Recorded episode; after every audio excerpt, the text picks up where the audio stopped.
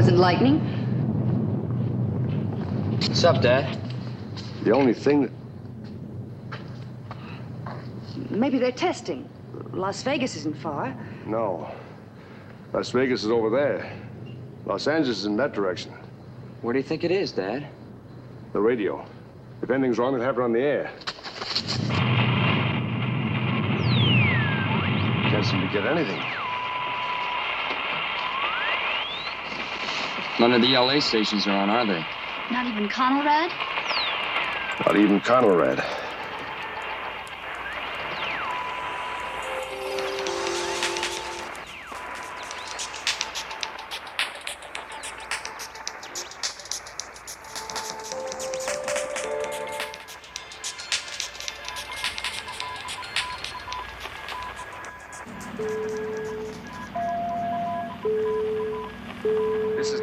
Broadcasting Network.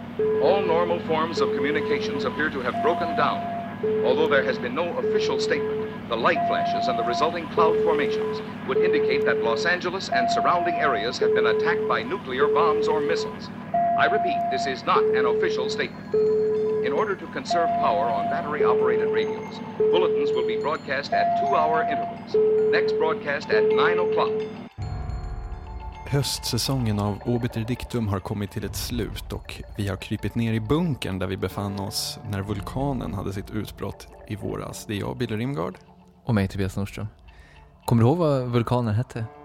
Eyjafjallajökull. Ja men titta vad, Ja. vad vackert. Ja, Ja. Vulkanen som kanske var årets höjdpunkt. ja, på flera sätt än ett kanske. Be- ja, precis. Ehm, men det är säsongsavslutning idag. Mm. Dags att lägga locket på, hänga upp skylten. Precis. Som utlovat så kommer det idag vara en renrasig eh, postapokalyps special. Ja, vi körde en special i somras om Blade Runner. Då var det nästan lite mysigare, då var det så här fin försommarkväll och ja, det, var, ja, det, det kändes bra på något sätt. Mm. Nu är det lite mer dystert, vilket tematiskt funkar väldigt bra. Jo, Definitivt, det, det går ju helt i linje med det vi ska prata om här idag. Ehm, vi är båda väldigt förtjusta i postapokalypsen eh, och har väl konsumerat eh, x antal postapokalyptiska historier genom åren. Mm. Ehm, men idag så ska vi försöka gå till botten med inte bara eh, ja, de populärkulturella delarna av postapokalypsen utan på, eh, på ett bredare plan också kanske. Definitivt. Mm. För postapokalyps, ehm, jag har funderat lite inför den här ehm, avsnittet, vad postapokalyps egentligen är. Mm. För eh, visst krävs det ett avgörande moment för att vi ska kunna kalla det postapokalyps. Jag menar, om man skulle gå fram 200 år i jordens historia och vi, har, vi tänker oss någon uttorkad liten skrutt planet som eh, människorna trängs på några små öar och det är öknar och så vidare. Ehm, det skulle vi kalla postapokalyptiskt rent estetiskt i popkulturen. Men där har det inte varit någon apokalyptisk händelse som har orsakat det här utan det har varit 200 år av eh, ja, gradvis miljöförändring eller förstår jag menar? Vi tangerar väl då kanske gränslandet mellan dystopi och postapokalyps Mm. eller någonting sånt. Mm. Ehm, jag vet inte, för mig är väl kanske postapokalypsen apokalypsen, ehm, den kännetecknas väl av att civilisationen har rämnat eh, genom en, vad ska vi säga, turning event. Alltså någonting avgörande, precis som du är inne på, har hänt och gjort att det moderna samhället inte längre finns kvar i den utformning vi, vi är vana med. Liksom. Mm. Det finns en väldigt bra i den här eh, dialogen som vi hörde i introt till dagens avsnitt. Så är det från eh, filmen Panic in the year zero. Och det finns en väldigt bra replik där när han säger någonting sånt här. Don't you get it? Two and two used to be four, but right now it amounts to exactly nothing. Och jag tycker den, den repliken, den tycker jag är så otroligt bra på att sätta fingret på vad det är med postapokalypsen som man gillar. Mm. Och sen, sen handlar det väl också om det att man, att man på något sätt minns hur det var före. Eller förstår jag menar? Att man, det finns ett före och ett efter. Um, The happening. Liksom. ja, precis. Eh, Och det, det, vad som har hänt, det kommer vi komma in på, att det kan ju vara lite, väldigt många olika saker. Men, Mm. men, att, men att det just finns ett, ett, ett samhälle före postapokalypsen, eller före apokalypsen och ett samhälle efter. Nå- någonting som en egenskap som jag tycker postapokalypsen har. ehm, det är det att om man tänker sen, om man tänker andra settings för en berättelse. För det är oftast berättelser som, som är relevanta för postapokalypsen också. Men om man tänker sig så här en annan setting som noir. Jag menar, du, du måste ha så här ditt regn och din hatt och ditt sax-solo. Um, ehm, cyberpunk är inte cyberpunk utan lite implantat och några megacorps och hackers. Liksom. Men postapokalypsen är ju på något vis, den kan man berätta väldigt många sorters historier i som alla bara blir väldigt mycket mer estetiskt tilltalande av det faktum att så här, okay, det finns inga spelregler på banan. Ehm, någonstans där. Mm, definitivt. Och det är väl liksom på något sätt att eh, den ringar väl in vår rädsla för att förlora det här samhället som vi har vant oss vid. Alltså alla bekvämligheter, all, all teknologi, all, eh, all modernitet helt enkelt. Mm. Eh, för det, det är ju på något sätt det som är förlorat i, i postapokalypsen, eller i det postapokalyptiska samhället kanske vi ska säga. Och, ehm, och det är väl det på något sätt det är väl så motsatsen till utveckling och det är väl det som skrämmer eller det som Mm. fascinerar på något sätt. Mm. Ja, skrämmer det eller fascinerar det? Kanske lite både och. Väldigt både och tror jag. Det är en, eh, man har väl en högst ambivalent eh, känsla inför, inför apokalypsen. Men, men jag, jag skulle, alltså jag, jag fick skit för att jag romantiserade miljontals människors död en gång på, på min blogg när jag skrev om apokalypsen. Och grejen är så här att jag tycker, jag tycker ändå att det är okej att gilla apokalypsen. Därför att alltså om man tar en reell, eh, liksom en, en tragedi som har hänt, alltså något fruktansvärt, typ tsunamin i Asien, där var det 250-300 000 som dog, så är det ändå så att normal, det, det normala där är ändå att överleva. Alltså majoriteten av jordens befolkning överlevde, men väldigt många bar sår från det i och med att så många närstående gick bort och så vidare. Så därför blir det en hemsk grej. Man skulle aldrig kunna prata om, om tsunamin på något sånt så fascinerande, wow, det här är så häftigt sätt. Men i apokalypsen, då är ju normalfallet att du faktiskt dör. Mm. Du går bort, alltså det är undantaget är att du överlever. Och det tycker jag är en skillnad på när man pratar, alltså man skulle aldrig sitta och så här göra ett specialavsnitt där man sitter och, och pratar om hur coolt det var med 9-11. Nej. Förstår du vad jag menar? Mm. Vad, vad, vad ger du mig för den Jo. bortförklaringen? Eh, Och det, det är väl också hela den grejen med att eh, alltså, det är i efterhand svårare att vara romantiserad än vad det är i förhand. Eller förstår du vad jag menar? Mm. Det, gäller ju, det gäller ju även olika former av motstånd i samhället överlag. Alltså motstånd mot förtryck eller någonting sånt. Jag är nu, eh, munkarna i Burma protesterade till exempel. Eh, det, det kan man liksom vara jättepeppad på medan det händer, men sen när typ 2000 munkar blir massakrerade så är det inte lika roligt att prata om. Eller förstår jag menar? Mm. Det är från, eh, apokalypsen blir liksom ett, ett koncept för någonting som ringar in något i vårt samhälle idag snarare än en händelse som är hemsk, om du förstår Mm. vad jag menar. Den, den blir ett symptom på hur vi tänker, på sam, om, om hur vi tänker om samhället som det finns nu snarare än, eh, än vad vi tycker om ja, värdet av mänskligt liv.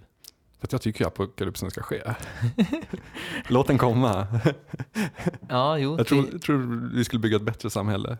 du tror efteråt, det? Du, ja. du, du, tror, du, tror på utopi genom utrensning eller någonting sånt? Ja, men jag tror att för att det ska bli bra så måste det först bli kaos. Och då menar jag inte lite kaos, utan jag menar clean slate kaos. Men det är, ja. Det går att diskutera Ja, eh, och vi lär väl få anledning att göra så. ja. Ehm, Men det viktigaste när den kommer, det är ju att man ser till att man överlever.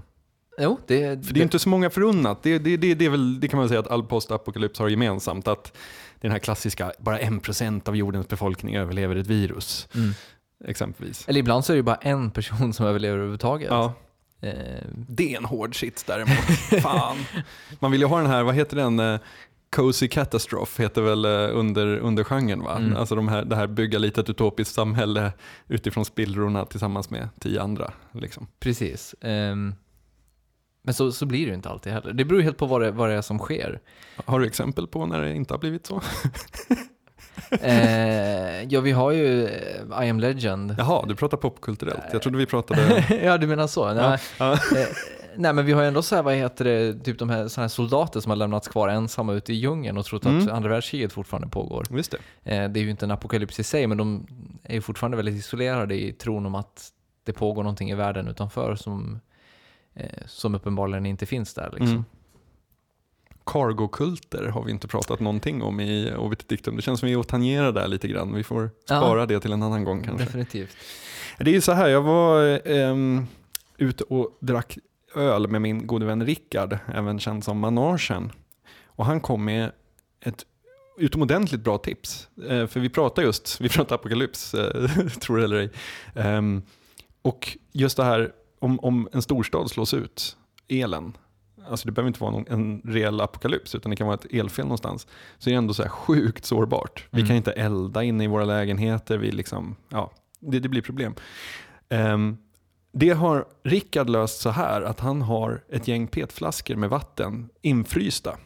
För det funkar då på två sätt. Dels så kommer han ha färskvatten när de där smälter. Men sen så kommer de även funka som kylklumpar under tiden alltså de, de smälter. Så att de fryser ner övriga maten då ytterligare några timmar. Det är så här Ja. husmorstips ett att ta med på vägen. Det kommer väl komma vad heter det, en hel del under avsnittets gång av, av just sådana tips. Ja, vi, vi tänkte så här att vi kanske ska försöka spara eh, de här tipsen och sätta ihop dem till någon slags överlevnadsmanual. Precis. Um, Obit Dictums inofficiella, eftersom vi inte kan ta gift på att allt är bra tips. Eller eh, inofficiell och inofficiell. Vi, vi, vi, kommer givetvis höra av oss till Beredskapsverket om, eh, om att göra det här till en officiell publikation. Garanterat. Garanterat. Garanterat. Men eh, infrysta petflaskor i tips ett. Det låter jättebra. Eh, men om vi, om vi går tillbaka till eh, just pop, postapokalypsen som företeelse. Mm. Vad, eh, vad, vad tror du är just postapokalypsens budskap? Eller varför berättar vi historien om det postapokalyptiska samhället om och om igen? Det tycker jag är lite intressant för att det känns som att kritiken eller budskapet, eh, samhällskritiken med postapokalypsen varierar ju lite grann. Ehm, alltså den här klassiska att ett experiment går fel och man släpper iväg någonting eller öppnar en dimension eller någonting sånt där. Det är ju väldigt vetenskapskritiskt.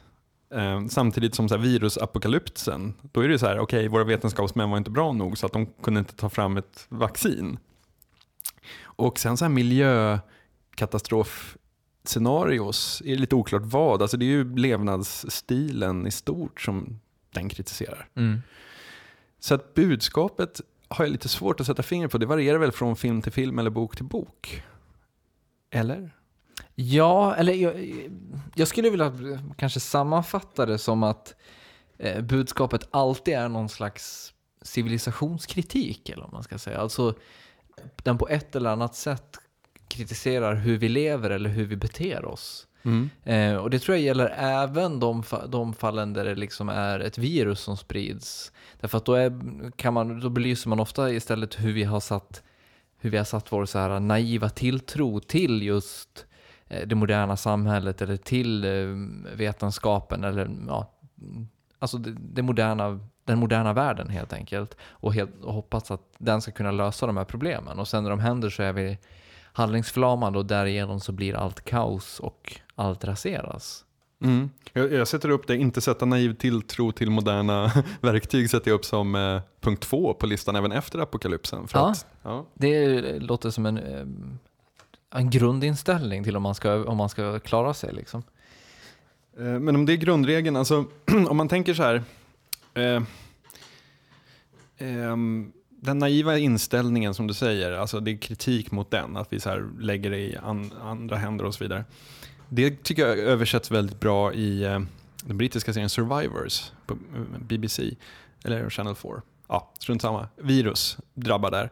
Och så är det en så här snubbe som ska hitta drivmedel strax efteråt. Och han eh, kopplar någon så här dieselgenerator till en pump som han ska pumpa upp bensin i från en bensinmack och bara spränger hela skiten i luften. Liksom.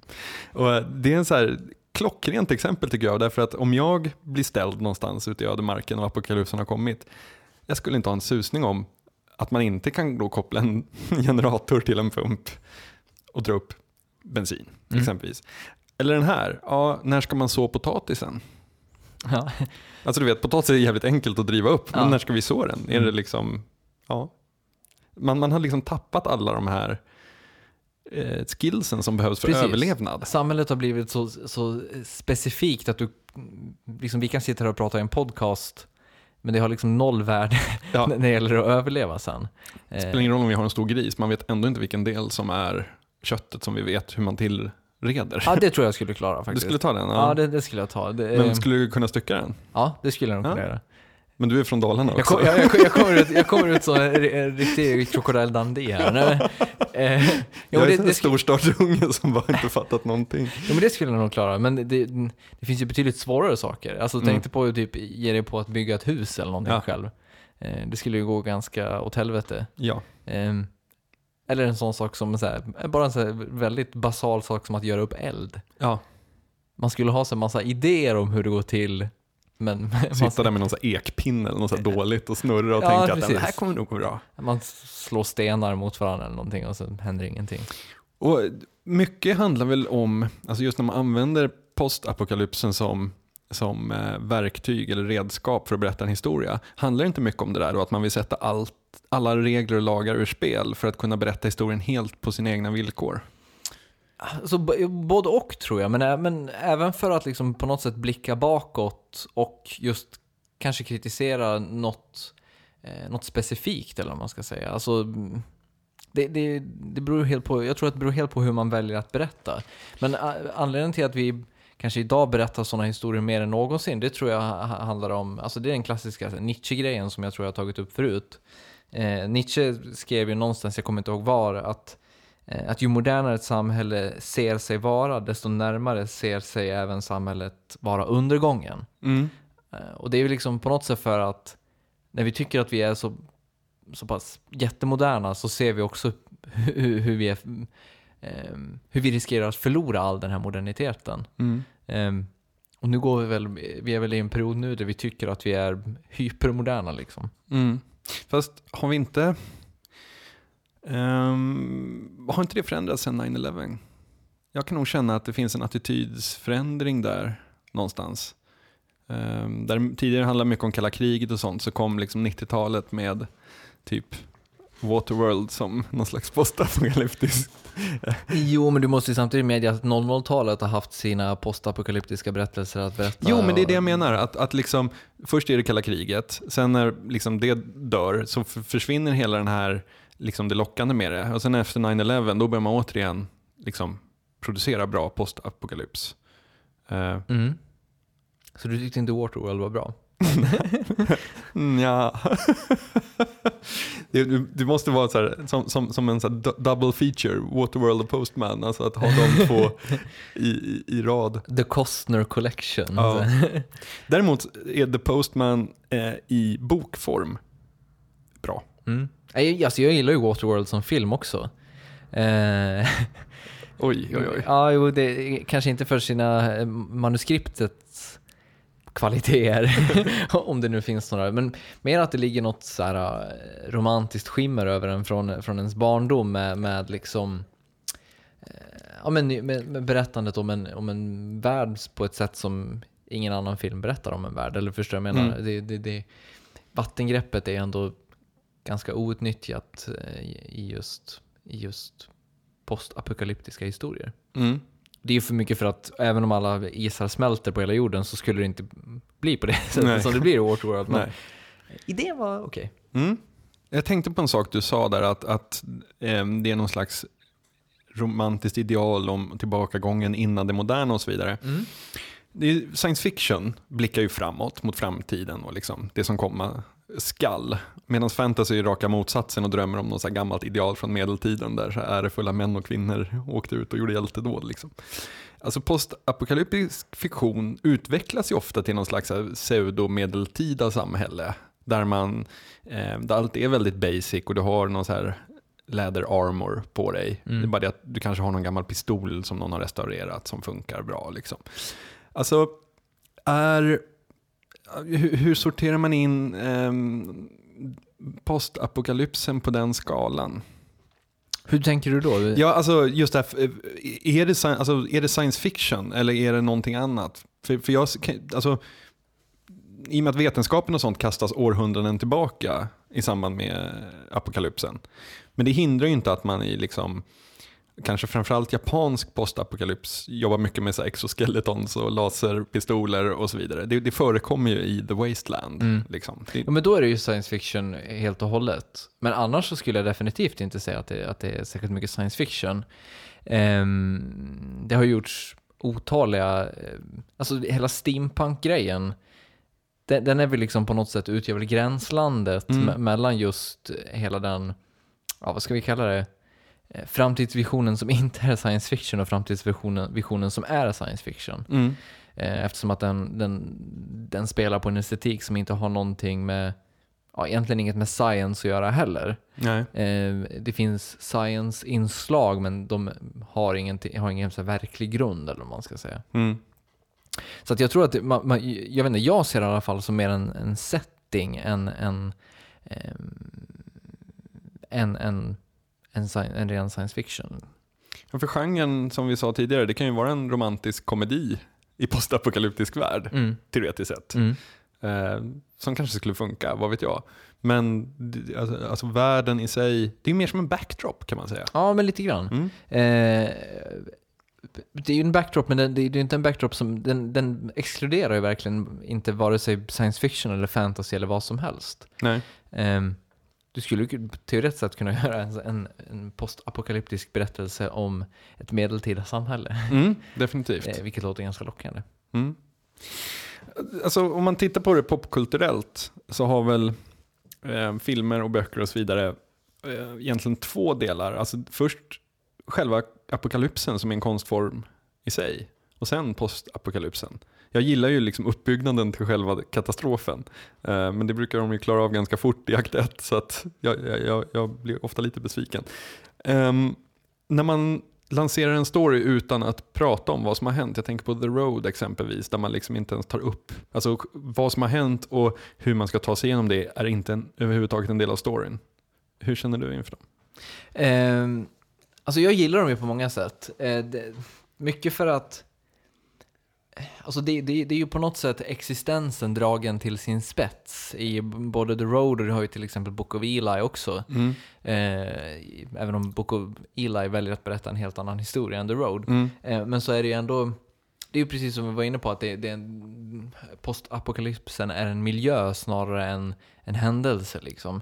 Ehm, och man kan argumentera för att, för att eh, det är detsamma i alla postapokalyptiska berättelser. Alltså eh, Escape from New York som vi diskuterade förra veckan med, med soundtracks. Det är också i viss mån ett postapokalyptiskt samhälle Mm. eh, där det just är miljön som är viktig och vad det är som har gått åt helvete är totalt oviktigt. Liksom. Mm. Men hur känner du? Du är mer skeptisk eller? Ja, lite så faktiskt. Alltså, jag kan gilla när man... Eh, om man har en, eh, Eh, en berättelse som väl, väldigt tydligt tar avstamp i att så här, okej, det var ett kärnvapenkrig och nu är vi kvar här och ska försöka göra det bästa av det. Um, om man gör det, eller åtminstone hintar, det kan ju ha gått väldigt lång tid. Vi har ju pratat en hel del om uh, uh, The Passage. Uh, och där, där, när det har gått ett par hundra år där, i den boken, så är det ju så här att de minns lite grann. Någon har, alltså det finns några skrifter kvar och no, någon kommer ihåg någonting som har liksom förts ner via någon slags oral tradition. Eh, men däremot så vet man inte facit. Och så långt är jag med. Men just det här när man bara släpps ner i en värld och ska acceptera att, att, att det har hänt. Det kan funka i vissa fall. Eh, men samtidigt så, ja. Men jag tror, jag, jag tror Jag ifrågasätter alltid manusförfattarens uppsåt lite grann. då. Men jag tror ändå att du är någonting på spåren där. Alltså hela den grejen med att, eh, var som jag var inne på med det här, ett, ett, ett före och ett efter. Alltså det är på något sätt viktigt att, att det här före finns kvar i minnet på något sätt. Eller Mm. att det åtminstone är någon som minns hur det var innan. Mm. Ehm, och det tror jag har att göra med att, eh, att det, det, det är liksom det som gör det möjligt att, ehm, vad ska vi säga, alltså det, det det som gör det möjligt att accentuera en skörhet i vårat nu, så att säga. Mm. Eh, när vi ser Viggo Mortensen och hans son i The Road, eh, så minns fortfarande Viggo Mortensen när allt hände. Mm. Och, då, och, på, och på så sätt så, så kan vi också relatera till att ja, men de var också en vanlig familj och sen hände det här och nu är allt förstört. Liksom. Mm. Ehm, och det, det, det, det är på något sätt, då, då kan vi som publik känna en annan koppling in i historien. Mm. Eh, och därmed på något sätt kunna ja, eh, försöka vara lite positiva i, i vår samtid, eller vad man ska säga. Jag skriver ner den på vår överlevnadslista, att inte tappa sin historia. Skriv ner där också att dricka rödvin, eftersom att rödvin skyddar mot strålningsskador eh, i och med att det förstärker de röda blodkropparna. Mm. Jag tar lite rödvin nu. Ja, gör det. Historia. Det kanske är dags för fler råd från managen. Yes. Han har nämligen varit så vis. Jag skickade ett sms till honom här och bad att få lite mer utöver de här eh, frysta petflaskorna. Och han flaggar ju då för att man alltid ska ha hemma tändstickor, ett lager te, röd lightsticks och ljus. För det är liksom, ja, då, då klarar man sig ett tag. Eh, jodsalt och torkade bönor såklart. Så skriver han så här. Min tanke är ju att det viktigaste är att vara förberedd för den första tiden. Det gäller att klara sig till majoriteten av den oförberedda populationen dukat under så kampen om resurserna blir lättare. Mm. Det är ju, det, han är ju inne på något väldigt väsentligt där. Alltså att, eh, vi har ju först och främst de här eh, grundläggande förbrukningsvarorna som man måste mm, tänka över på ett smart sätt. Mm. Han nämnde torkade bönor, jätteviktigt. Konserver överlag är ju bra att bunkra upp med. Mm. Har man en generator så är det givetvis bra att bunkra upp på lite bensin också. Mm. Och just generator är, nog, är, ju liksom steg två. Verktyg. Mm. Eh, det, är, det är bra att se till att man någonstans i förrådet hemma har ja, men liksom grundläggande, en grundläggande verktygssats helt enkelt. För att det är ju sånt ingen som, här 149 kronor på Kjell Company. Utan, Nej. nej. riktiga grejer. Mm. Gärna en, en, vad heter det, ja, någon form av eh, apparat som man kan distillera vatten i på ett enkelt sätt. Mm. Det är inte så enkelt. Eller? Nej, det, det, är, inte, Alltså- det är ju inte jätte, jätteenkelt med tanke på att vi tar bort på ett effektivt sätt så är det ju väldigt svårt eh, med tanke på att vi tar bort allt som har med spis och elektricitet att göra. Mm. Jag eh, lyssnade väldigt mycket förut på så konspirationsradio, eh, Alex Jones och Jack Blood och sånt. Och då var, i reklampauserna så var det alltid samma så här, vattenreningsföretag och sådana saker som Mm. gjorde reklam. Så att kolla upp med vad, vad närmaste sånt bolag finns Ja. eh, så att man är, så att man är eh, redo. Obygden i Texas är mitt bästa bett på närmaste. Jag är helt övertygad om att det finns en, eh, en eh, grossist här i Sverige Ja. också. Vi ska leta upp en vattenrenare och länka till den på vår blogg oddpod.se. Ja. Eh, men om vi går tillbaka till det du var inne på där med, just postapokalyptisk miljö. Eh, för jag inte, om vi tar ett, så här, ett exempel som eh, liksom rör sig i båda, båda, vad ska vi säga, som är på båda, båda visen. Det, det är dels eh, apokalypsen skildrad, men även betoning på just miljön efter. Eh, jag tänker på Battlestar Galactica. Mm. För där, är ju, där har vi hela miniserien först då som skildrar hur den här civilisationen går under i och med att eh, The Cylons attackerar. Mm. Men fokuset i själva serien är ju ändå på typ den mänskliga överlevnaden i, den här, i de här, under de här extrema omständigheterna som en eh, vad ska vi säga, nomadisk färd ut i rymden innebär. Mm. Eh, håller du med? Både och. Det är klart att den, eh, den aspekten finns av det. Det håller jag med om. Fast jag har lite svårare att ta mig till... ehm, alltså jag, jag tror att man skulle kunna göra samma story genom att lägga det på jorden på 1500-tal och kasta ankar från Portugal och segla västerut. Förstår du vad jag menar? Mm. Att det, det blir, det är en, jag, jag får inte samma känsla i Battlestar Galactica av att det faktiskt är postapokalyps. Vilket det är. Mm. Det, det, det bestrider jag inte alls. Men jag får inte samma känsla för att det, det handlar ju mer om... Ja. Det, det blir inte samma grej för mig när, när de sitter i rymdskepp och fighters och skjuter lasrar och, och sånt. Även fast jag fastar att det är, liksom, det är en lek med resurser och det handlar om att etablera någon slags samhälle som funkar. Liksom. Men om vi tar The Omega Man då, som Mm. också utspelar sig på, eh, på jorden, alltså I am Legend fast ja, filmatiseringen från 70-talet som jag tycker betydligt mycket bättre om. Ehm, där är ju Charlton Heston isolerad, eh, det har hänt någonting som har gjort att människorna har blivit någon slags varelser som han måste beskydda sig ifrån. Där är alltså hotet från de här människovarelserna som har förvandlats till någon slags monster. Jag vill inte avslöja för mycket om filmens handling. Eh, Medan då i, Ro- i The Road, då är också hotet de här andra människorna som typ ja, har blivit giriga, eller jag vet inte om man kan säga att de är giriga, men de som äter andra människor i Mm. princip. Eh, Så att hoten är väldigt mycket de samma. Eh, Charlton Heston åtnjuter en materiell välfärd i, eh, i och med att han har barrikaderat sig i, det här, i någon slags villa eller vad man ska säga. Mm. Det gör ju inte eh, karaktärerna i The Road i samma utsträckning om Nej. man säger så. Nej. Men det ena är, men, men de är ändå så ganska väsensskilda ur den beskrivningen som du gör i och med att det inte finns den här, äh, vad ska vi kalla det, den här, den här intrigen eller den här kampen mot något ont i The Road på samma sätt som det finns i The Omega Man. Nej, och det är det, alltså om jag, om, om, om jag skulle liksom bli ombedd att definiera vad postapokalyps är, vilket kanske är på sin plats i en podcast som den här, vad vet jag. Men så känner jag mer så här att för mig är det kanske mer en känsla eh, av, du vet, att gå längs någon järnväg och hoppas att det finns vatten att dricka i, i slutet av den. Ehm, jag säger inte att en, en apokalyps per definition le, också leder till att det finns en konflikt per automatik efteråt. Så att säga. Alltså, Men det gör det ju alltid. Jo, Det, det handlar ju, eh, post, en, en Ja, postapokalyptisk det handlar- skildring handlar ju aldrig om, ett, om några personer som bara ska överleva. nej. Eh, men det kanske är det, att det- det, den känslan kanske jag är mer intresserad av än just en specifik films handling. Alltså att det är alla filmer och böcker adderade. Men kan man inte bara så läsa Robinson Crusoe om och om igen då? Vilken diss. Nej, alltså jag försöker bara dra det till sin spets på något, på något sätt. Ehm, jag vet inte, det kanske är som att så här, jag, gillar, jag, jag, läser ingen fantasy, jag tycker den är liksom lite tråkig som genre. Däremot om någon skulle skriva en bok om en snubbe som hade ett värdshus, som inte är ute på någon äventyr eller någonting, utan han har ett värdshus. Du vet, Mm. punkt. Om människorna som liksom passerar igenom där och sånt. Då skulle jag jättegärna läsa den. Om det finns en sån bok, så tipsa för, för, Ja. för, för all del oss. Um, fast det, det, det, det, för mig så är miljön och världen som den har blivit, um, den ger så jävla mycket att jag inte behöver ha du vet, någon, någon grand scheme om att ta över makten ovanpå den.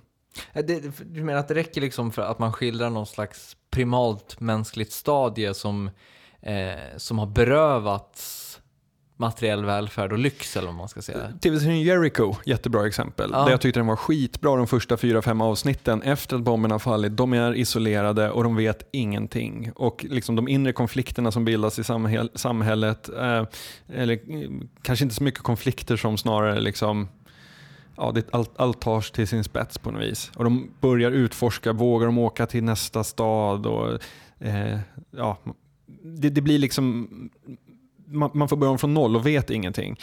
Så länge, jättebra. Jag hade jättegärna sett att det stannade och blev någon slags relationsdrama i den, i lilla Jericho.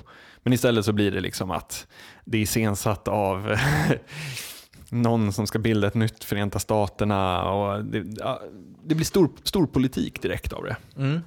Och jag, jag kan nog tycka att det där lilla, det är som när man, när man typ spelar datorspel som är i postapokalyptiska världar. Då tycker jag det roligaste är de första typ två timmarna av spelet när man inte har utforskat någonting. Utan Mm. man bara vet att shit, det är världens stora liksom, universum där ute. Jo, men borde inte du gilla eh, typ The Road och The Book of Eli och, och sådana berättelser i så fall? Eftersom att det är de som kopplar det, vad ska vi säga, mikroorienterade greppet och berättar liksom de här enskilda individernas historier snarare än den stora, den stora undergångens historia. Hmm. Jo, Jo, för jag, det, det, det är på något sätt det, det jag lockas av, av, av de berättelserna. Så I att, stand corrected. Ja. Visst, ja. Jo, men så borde det vara. precis, för det är ju det är där på något sätt kampen att överleva skildras. Eller i Book of Eli så är det ju kampen att ta den här boken till en viss Mm. plats som skildras. Mm. Ehm, men det är även en kamp för överlevnad det. Fast jag tror kanske det jag, alltså båda två handlar om, vilket är extremt vanligt när det gäller apo- postapokalypsen, att det är road movies. Alltså de, de ska färdas. Liksom. Ehm, och jag vet inte, jag kanske kan tycka att, du vet om postapokalypsen kommer, ska alla ge sig ut och utforska då? Är det det vi kommer göra? Kommer inte vi liksom bara stå och gräva djupare i den gropen vi redan är? Nej, alltså jag är där är jag. Jag är, Nej. jag är liksom helt med på eh, det eh, nomadtänket.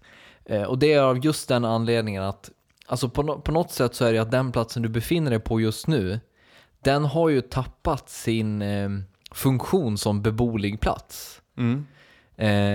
Och det är ju det är på något sätt överlevnadsinstinkten som får folk att överge den här platsen då. Jag tänker på, jag tänker på The Walking Dead, som, som jag hade, vad heter det, säsongsavslutning här om veckan. Um, inte, har inte varit så bra överlag den serien, Ja. tyvärr. Eh, men där är ju, den serien belyser ju verkligen det att typ vara ständigt on the move för att ju längre du stannar på en plats desto mer ökar riskerna. Det går till vår lista. Be on the move. kan även då lägga till att se till att, eh, vara, att packa så flexibelt som möjligt så att man kan eh, ja, flytta på sig så snabbt som möjligt. Ja. Men grejen är att det där är också väldigt beroende på var, var man befinner sig. För vi pratar ju utifrån ett storstadsperspektiv nu och det gör oftast manusförfattare också.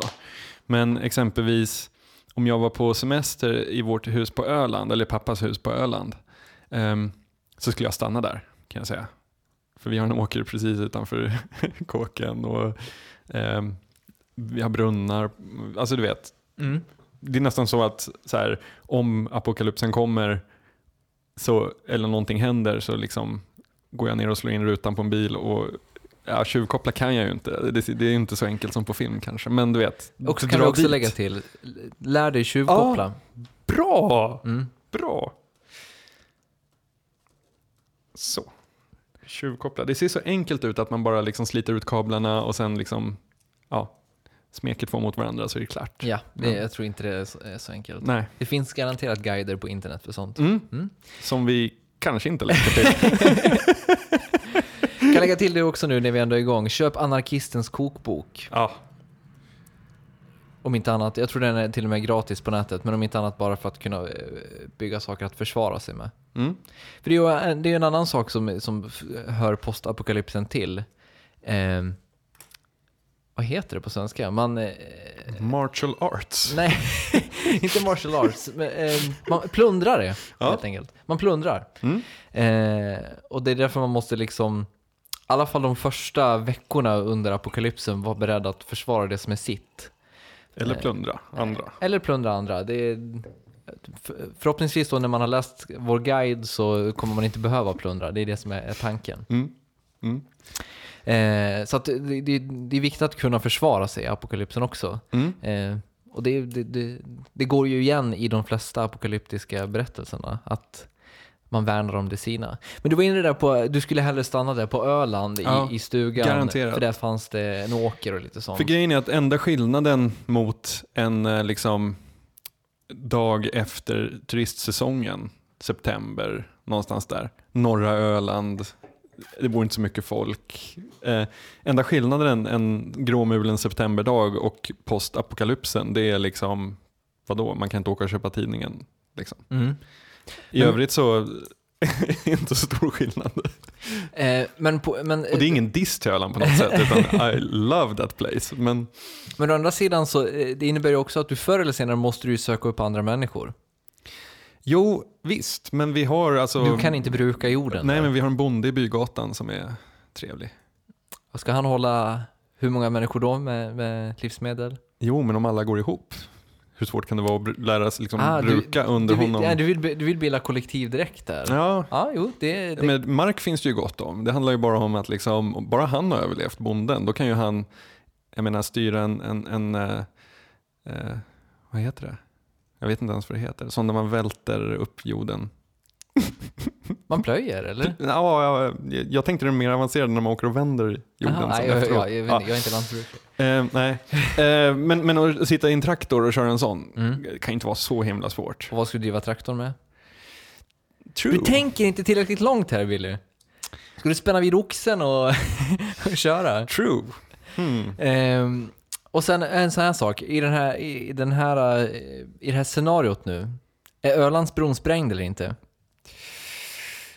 Eh. jag vet inte. Spelar det... Vet du, under andra världskriget så fanns det plan att dela Öland om tyskarna skulle gå Oj. på Bödastand. Mm. Eh, för, sprängd. för att försvåra, försvåra saker och ting, eh, förutsätter att eh, bron inte finns kvar, Mm. så att du är verkligen isolerad. Mm. Finns det en risk att Kalmar folk ska försöka ta sig över till Öland? Jag vet inte. Ehm, kanske.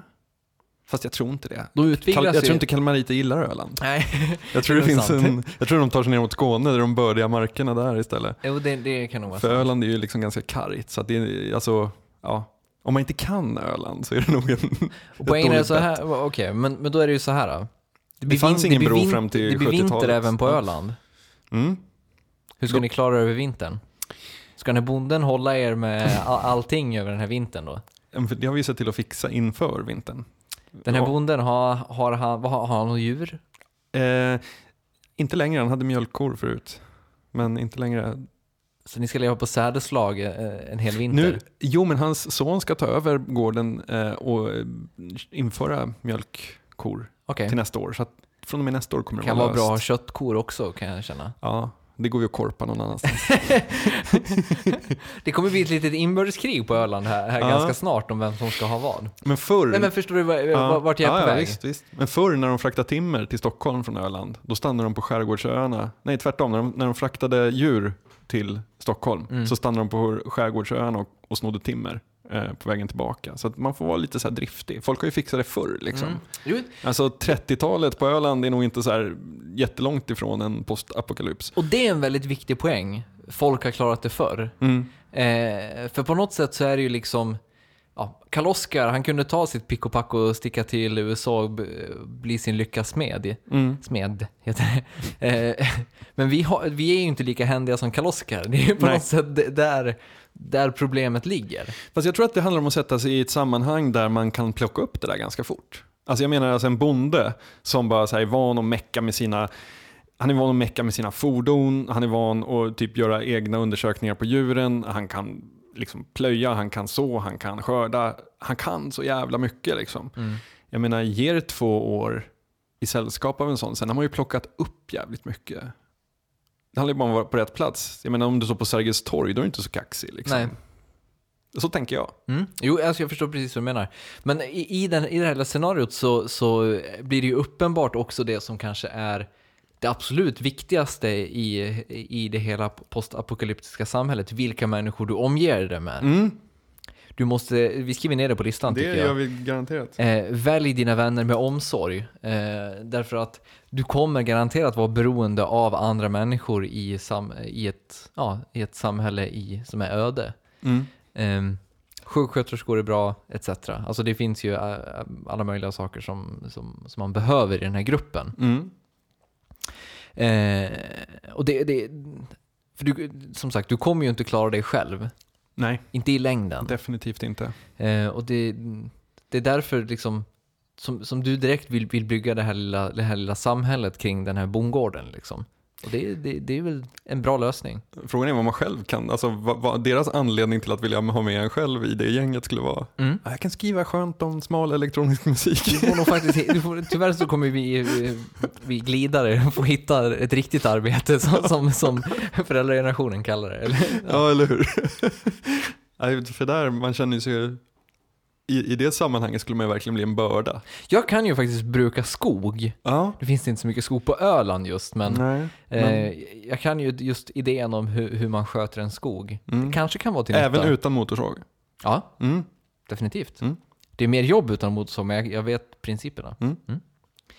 Eh, så att jag är mer värd efter apokalypsen än, än Billy Rimgard. Nej. Garanterat.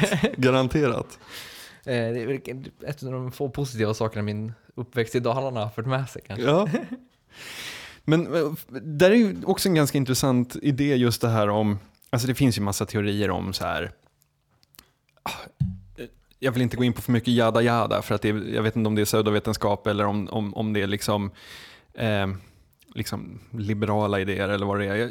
Men, men det finns ju de här teorierna om eh, att människan inte är ämnad för att bo i så stora grupper som vi gör idag. Mm. Det vill säga, har du en by med 200 pers så funkar den. Därför att om den enes lada brinner ner så går alla ihop och bygger upp ladan igen. Därför att det är i- hela byns intresse att, Amish. att ja, style. precis, att Mm. ladan ska stå.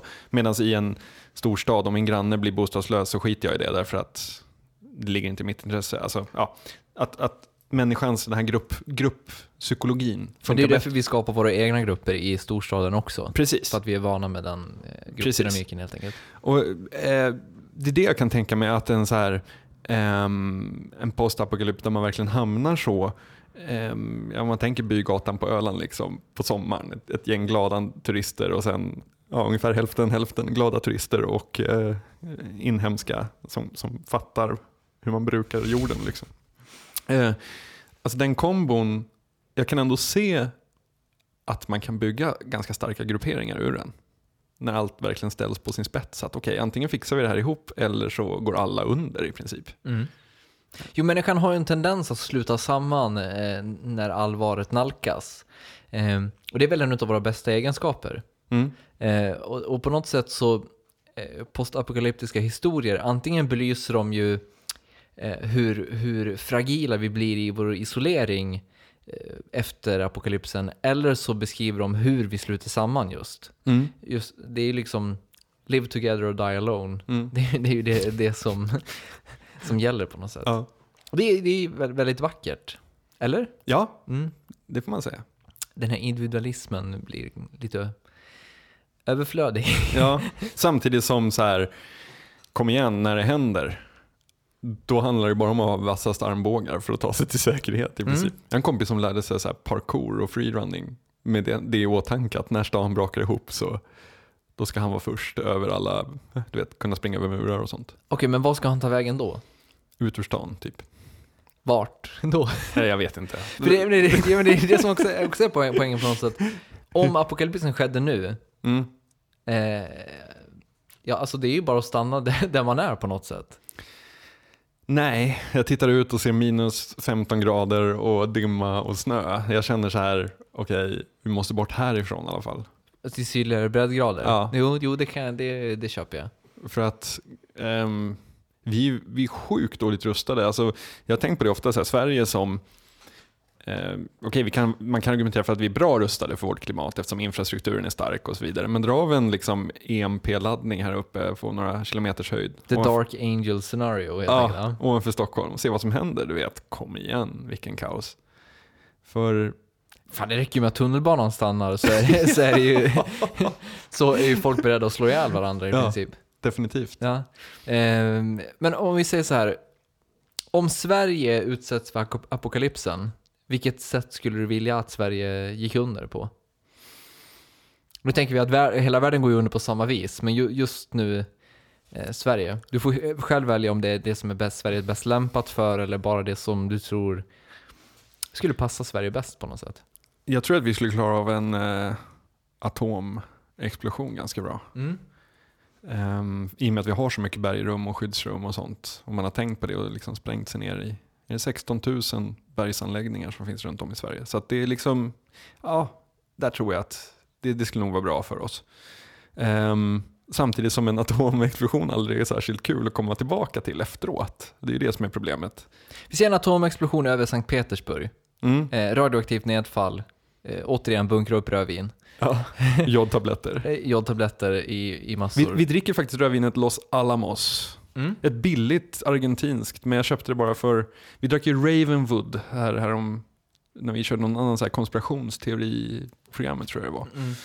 Ja, förlåt. Rödvin. Eh, ut, radioaktivt nedfall från Sankt Petersburg var du på innan jag kom att tänka på att... Precis, och då tar vi skydd i bergrummen. Alla får inte plats i bergrummen i och för sig, men eh, några, några stycken. Mm. Eh, Individualism. individualism Ja. är, är det som råder. Eh, jag vet inte, det, det här känns, vi, går lite off topic, men eh, det här känns som att du har bättre koll på än mig. Vilka är det som har prioritet att få plats i de här bergrummen? Alltså det är ju first come, first serve. Det är så ja, alltså? så är det. Ehm, Då, då antar jag att du har koll på var närmaste bergrum från den här lägenheten som vi sitter i nu finns. det gör jag garanterat. Och det finns... På Rålambsvägen borta, gräsmattan mellan här och, eh, ja, där vi, brukar gå och rasta Laika, den lilla hunden som har tendens att pipa i våra Mm. sändningar. Det är nästa punkt på, på listan då. Ta reda på var närmsta bergrum Ja. finns. Definitivt, den är bra. Den, den är ju väldigt viktig faktiskt. Den är extremt viktig. Och där finns en fantastisk blogg som heter Conelrad Alert som handlar om, alltså det är så Cold War-nostalgi från USA. Och de har postat Fallout Shelter Manager Guide som är en helt fantastisk så här, manual för de som är Fallout Shelter Managers. Um, och instruktionerna som finns där, i händelse av krig så är de helt värdelösa. För det är så här, enter the fallout shelter in orderly manner. Och alltså du vet, det är så här helt otroliga beskrivningar. Eh, som jag rekommenderar att läsa. Länkar den på oddpod.se. Men ja, bergrum nedskrivet på listan. Jättebra. Eh, precis, radioaktivt nedfall från Sankt Petersburg. Mm. Eh, hur fort går sen- sen apokalypsen i Sverige? Jag vet inte.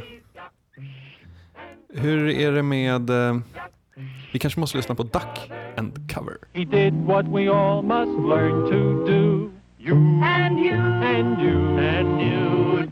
Duck and cover. We all know the atomic bomb is very dangerous. Since it may be used against us, we must get ready for it, just as we are ready for many other dangers that are around us all the time. Fire is a danger. It can burn whole buildings if someone is careless. But we are ready for fires. We have a fine fire department to put out the fire, and you have fire drills in your school so you know what to do. There is a bright flash, brighter than the sun, brighter than anything you've ever seen. If you were not ready and did not know what to do, it could hurt you in different ways. It could knock you down hard or throw you against a tree or a wall. The atomic bomb flash could burn you worse than a terrible sunburn, especially where you're not covered. Är det två, två veckor som det hänger fallout i luften, eller en vecka? Ja, alltså det hänger i luften så pass länge, men sen eh, om vi har otur då så blir det ju en del nederbörd. Mm. Och då eh, har vi betydligt större problem om man säger så. Mm. Eh, då, då kan ju liksom halveringstiden vara upp mot 5000 år om man har extrem otur. Får man den sköna solbrännan. Precis. Ehm, det är återigen då viktigt med att eh, typ destillera vatten och sådana saker Mm. för att eh, bli av med eh, eventuella otäckheter. Men eh, jag får väl landa i att min favoritundergång är atomexplosionen, bara för att den är omkratsad med så my- mycket skön estetik. Du har ju till och med skrivit låtar på, på temat så att säga. Vilken då? Eh, Learning to forget eh, etc. Ja, just det. Just det. Nu associerar du in live-videobilder det från livespelningar i... Ja, men okej. Visst, visst. Ja. Men, men själv då?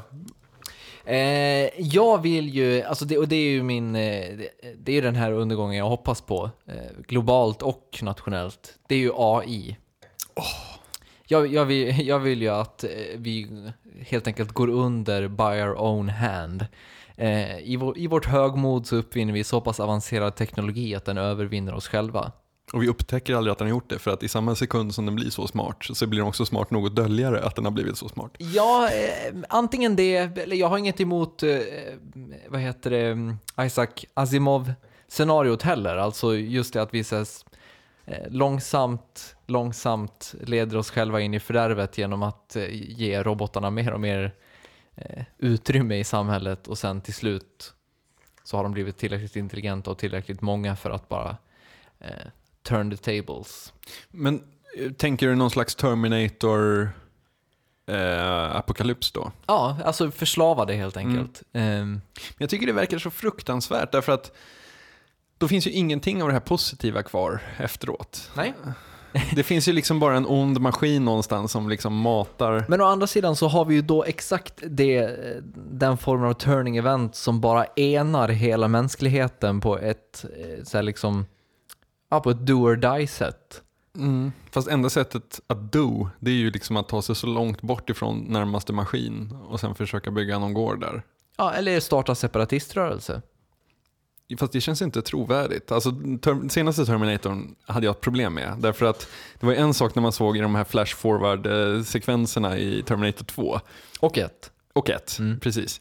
Ehm, där man liksom ser då liksom folk som bara så helt desperat försöker på något slagfält någonstans. Men jag tolkade alltid det som att det var typ de första månaderna efter att eh, Skynet hade startat kriget. Mm. Och att sen är det kört. Alltså vet, det kommer en punkt där. Man måste stoppa kriget, annars så kan man inte vinna det. Och sen nu så var det lite på lita, lika villkor. De går in i fabriken där i slutet och liksom gör rent hus. Jo, men pro- problemet är att jag köper inte hela den grejen med att när AI eh, införs så bara direkt så är vi förslavade. Utan eh, We'll see. Ja, det kommer vi nog få se, garanterat få se, tror jag faktiskt, helt ärligt. Ehm, Google bots. och, jag, och jag tror definitivt att det kommer ske successivt. Mm. Eh, och rätt vad det är så har vi eh, Mac-datorer som eh, kräver egna rättigheter och rösträtt etc. Mm. Eh, och då kommer vi människor inte vara särskilt givmilda med... There's an app for that. ja. det är precis vad vi kommer säga. Eh, apropå Terminator, i Terminator 2 när Sarah Connor står och tittar på lekplatsen. Ah, Det kan vara en av mina så här favoritsscener genom filmhistorien.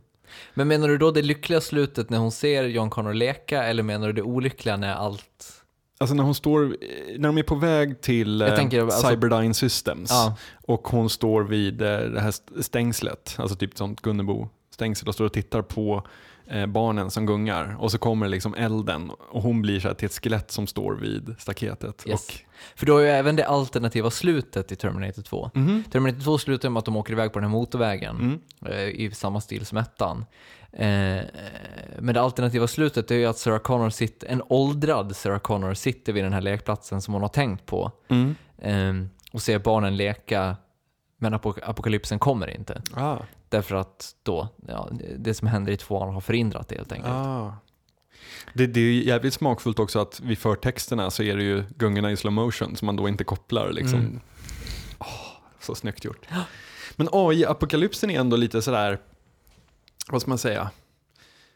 Den tycker jag nästan känns läskigare än den här.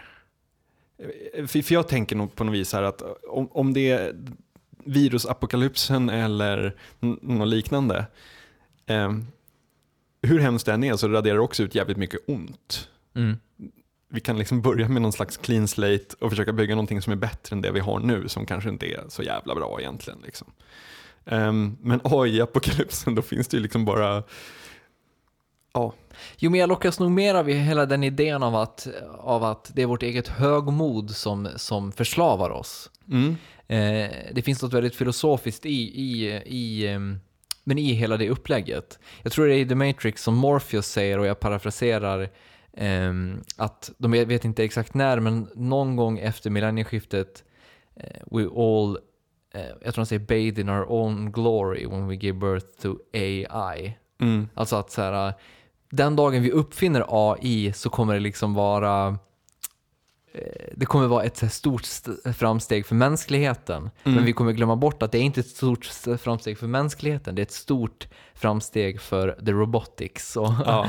all over the planet. Liksom. verkligen, verkligen. Och det är det jag gillar på något sätt. Mm. Mm. Ja, Men det kan jag he- helt klart hålla med om.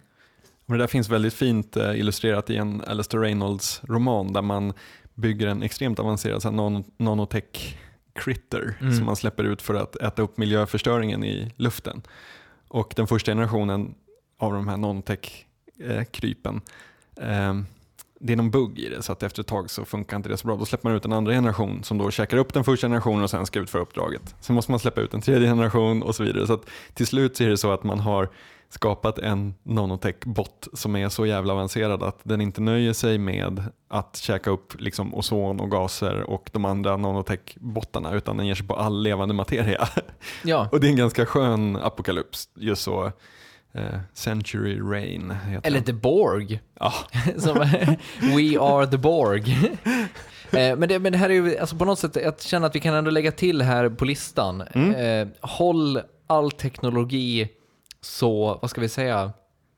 T- Tänk Battlestar Galactica, tänk eh, unnetwork i största möjliga utsträckning. om det finns någon teknik kvar efter apokalypsen så. Precis. Ja. Håll, håll all teknologi eh, så att den inte är sammankopplad med annan teknologi. Eh, därför att är det AI som tar över så, ja, då är det ganska snabbt infekterat överallt. Då kan de bilda våldsbejakande radikala nätverk. Exakt. En, jag måste bolla upp här bara, en, en av de absolut hemskaste eh, apokalypsskildringarna ändå. Det är ju klassikern On the Beach av Neville Shute. Där liksom kärnvapenkrig har gjort hela norra halvklotet obeboeligt och det handlar om en, det är en besättning på en amerikansk ubåt som var stationerad i Australien. När de hörde en morsesignal från en naval base i Seattle som åker för att undersöka. Men där är det verkligen så att i Australien och Nya Zeeland och de som är förskonade från den här totala apokalypsen, de vet ju att det ändå kommer med vindarna förr eller senare. Det finns ju den här hemska, hemska scenen där en eh, eh, av de här amerikanska sjömännen på ubåten innan han åker instruerar sin fru och deras nyfödda barn, eller han instruerar frun då, hur hon ska ta livet av sig och sitt, deras nyfödda barn om the fallout kommer. Mm. Eh, och där finns det ju verkligen ingen lycka eller glädje eller framtid utan det är ju bara total misär liksom. Ja, Men det är tillbaka till, till The Road, eh, Ja. där man liksom hela tiden måste överväga om det är värt att döda sitt barn eller inte. Mm. Därför att ja, den framtid som finns är liksom så pass hemsk. Så att man gör, liksom, man gör, man gör sin avkomma en tjänst genom Mm. att döda det snarare än låta det leva. Eh, Men just AI-grejen, eh, jag, vet inte, jag, jag har fått många här idéer kring den när jag såg ehm, och dels The Matrix som film givetvis, men sen i Animatrix så finns ju den här berättelsen eh, The Second Renaissance, Mm. part 1 och part 2. Fantastiskt. Ja, som är de här eh, två stycken 10 min mi- minuters segment där man berättar hela historien om hur samhället eh, som det ser ut i The Matrix tog form. Mm. Det är extremt vackert eh, och extremt hemskt på samma, på samma gång. Eh, därför att det, det, det, det skildras då precis den här formen av, alltså det påminner väldigt mycket om när man skildrar för, förtryck av folk eh, ja, över, över, över, över världen idag. Mm. Eh, man använder liksom den här, samma den här nyhetsestetiken där man ser mm, liksom, ja, men un, människor som är underlägsna, som förtrycks av andra människor, som förslavas eh, och så vidare. Och, men istället då så är det liksom robotar eh, som, som har liksom trätt fram och blivit den nya, the new work, workforce i världen. Liksom. Mm. Eh, och det, något slags nytt proletariat och som helt plötsligt vill ha egna rättigheter och vill ha, eh, vill ha rätten till eh, fair hearings i rättegångar etc. Men här då så liksom nekas de det därför att människan är, är rädd för vad maskinerna ska kunna göra. Men skadan är ju redan gjord. Mm. Eftersom att maskinerna är intelligenta så liksom har ju de möjligheten att bygga, att utveckla sig själva. Och det är ju då liksom, ja men människan själv i sin egen, i sitt eget villråd som bestämmer sig för att kämpa mot istället för att, som vi så ofta gör, Ja. eh, oss människor. Eh, Så, så istället för att eh, liksom hitta någon slags kompromiss eller hitta ett sätt att leva i, i symbios så vill vi utestänga och exkludera och, och förtrycka. Mm. Och det är det som blir liksom, eh, det är det i samklang med, med vår, vårt teknologiska högmod som blir vårt förfall. Mm. Och jag gillar, jag, gillar det väldigt mycket, just den, hur den tron på teknologi eh, leder oss i fördärvet. Det är ju samma sak med, med, med just, som, som jag nämnde tidigare, Dark Angel. James Cameron eh, producerade eh, tv-serien med Jessica Alba i huvudrollen. Mm. Eh, som, eh, jag kommer ihåg pilotavsnittet var ju fantastiskt. Eh, där man skildrade hela den här världen som hade gått under av just en EMP-attack. Mm. Eh, och när ström då, eller ja, teknologi i stort hade blivit värdelöst över hela världen och alla hade blivit nollade i det ekonomiska systemet så blev det liksom kaos. Eh, och vi har helt plötsligt ett samhälle utan teknologi där byteshandel och sånt blir det, det, det regerande tillståndet. Mm. Jag gillar det. Mm. Jag, jag, gillar, jag gillar vår övertro på teknologin som någonting negativt. Och där, om, man, om vi nu ska vara så här supernördiga så ser man ju, eh, finns det ju en skillnad i eh, det som Animatrix eh, spelar upp. Det vill säga att man har den här workforcen som mm, kräver sina rättigheter. Och Terminator exempelvis där man bygger Skynet som är en central hubb, eh, en central dator. Jag kan ju känna att det senare alternativet kanske är mer eh, troligt ur en really real world. Tror du det? Ja. För jag tror nästan på, på hela second renaissance-grejen. Men, men, men trycker man inte, alltså människan är ju ändå ganska så pragmatisk, hur jävla ondskefullt den kan vara då och då. Trycker man inte bara på off-knappen på de som börjar protestera och kräver fair hearings och sånt? Jo, du, men du är en maskin, off. Precis, men det är ju det som är problemet i second renaissance, att vi kommer ju trycka på off-knappen för sent. Ja, jo. Eh, det, då kommer ju, och plus att vi har ju en tendens också att det finns ju människor som tar den svages parti, Mm. som kommer kräva liksom samma rättigheter för de här maskinerna då som det är i det här fallet och Mm. därmed ja, sätta käppar i hjulet för en mm, utrensning av, av Mm. pro- problemmakarna. Alltså det, det blir Blade Runner vad Ja. heter det, scenariot igen på något sätt. Eller, eller Battlestar Galactica där eh, The Cylons liksom vänder sig emot sina skapare. Mm.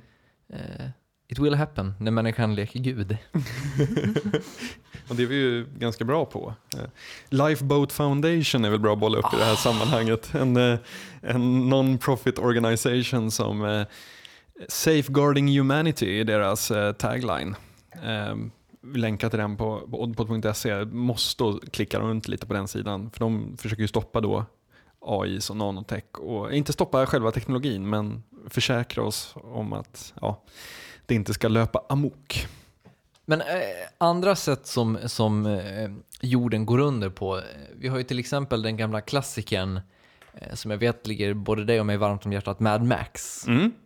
Det är ju väldigt intressant, kanske extra intressant i dessa dagar i, i och med att eh, Peak oil. Peak oil, exakt.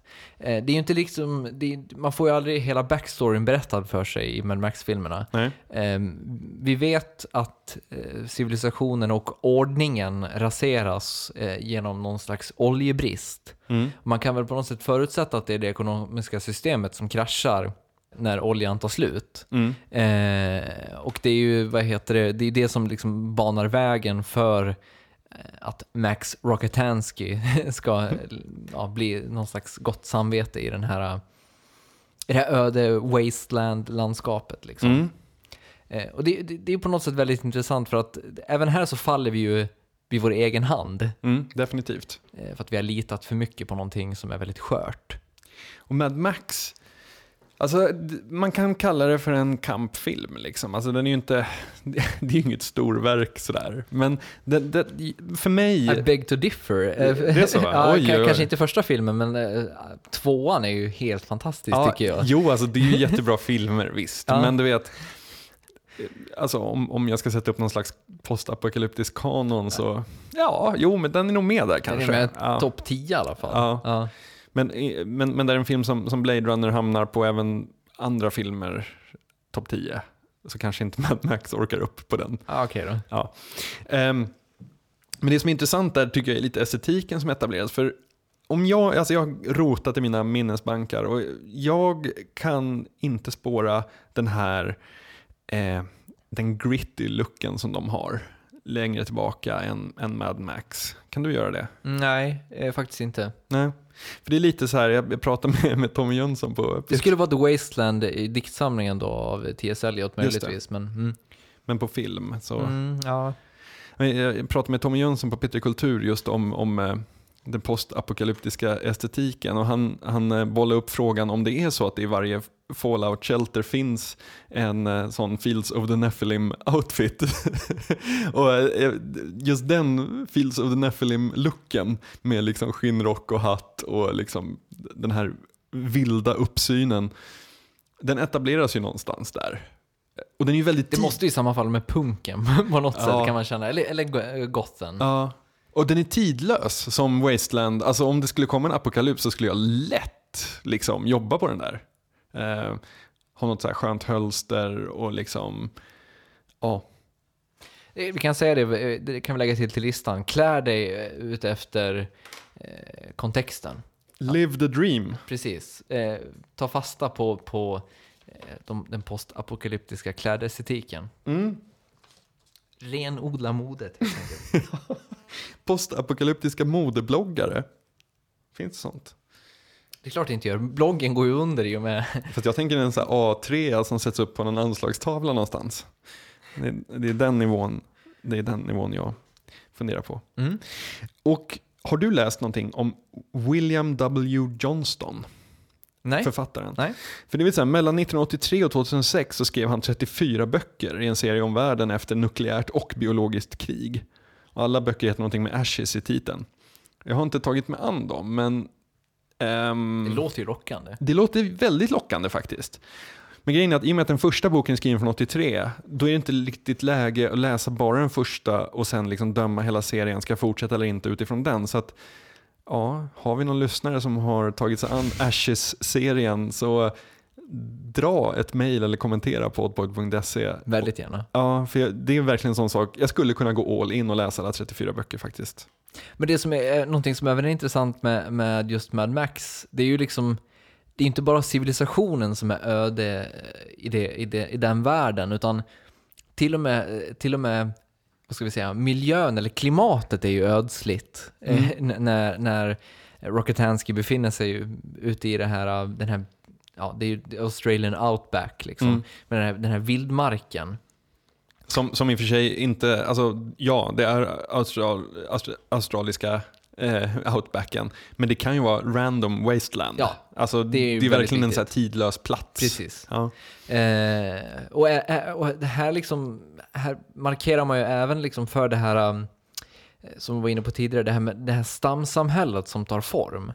Eh, med ja, isolerade klickar av människor som existerar snarare än Ja, eftersom att det inte finns några kommunikationsmedel så finns det ju även ingen samhörighet mellan människor, utan det är, det det är små grupper för sig själva helt enkelt. Mm. Eh, och Mad Max blir den här personen som, ja, ensamvargen som reser mellan de här grupperna.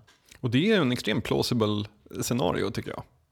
Ja, eh, vilket tänker du på då? Med Alltså, att vi blir alltså, isolerade? Ja, Mm. att, att det blir, uppstår grupper. Jag tänker så här små feodala, alltså det feodala samhället eh, på medeltiden. Där var det ju verkligen så att ja, men du har den här byn som har eh, liksom ett slott i mitten, eller ja, motsvarande. Och folk bor där och de lämnar aldrig den om de inte är sändebud eller liksom VIP. Mm. Ehm, Det är kanske det här vi förbereder oss för med alla subkulturer. Gotarna, emos, emo-kidsen etc. Det, här, det, det, är ju, det är ju gängen som finns efter apokalypsen. Men det är ju också ett extremt vanligt cyberpunk-tema. Neil Stevenson Mm. och The Diamond Age, eh, hans roman där folk verkligen har isolerat sig i enklaver i en stad. Eh, så att man ja, eh, kan söka medborgarskap då i New Malaysian, ja, jag kommer inte ihåg vad de heter. Men det är ett väldigt vanligt tema i både science fiction, cyberpunk och postapokalyps. Alltså just det här eh, fraktioner som, som splittras. Eh, men det är väl naturligt antar jag. Man, Ja, men det är ju... eh, man jag- tar det till sin spets. Jag tror eh, återigen att det handlar om att man skildrar den här regressionen tillbaka in i stamsamhället istället för den här utvecklingen mot den globala byn som, som vi alla hoppas på eller som vi alla eh, på många sätt lever i redan nu. Mm. Intressant är också att Mad Max kom alltså första filmen 1979. Eh, samma år så kom ju Stalker eh, som ju är en eh, också en postapokalyptisk film av helt annat snitt. Mm. Men också ganska gritty. Ja, verkligen.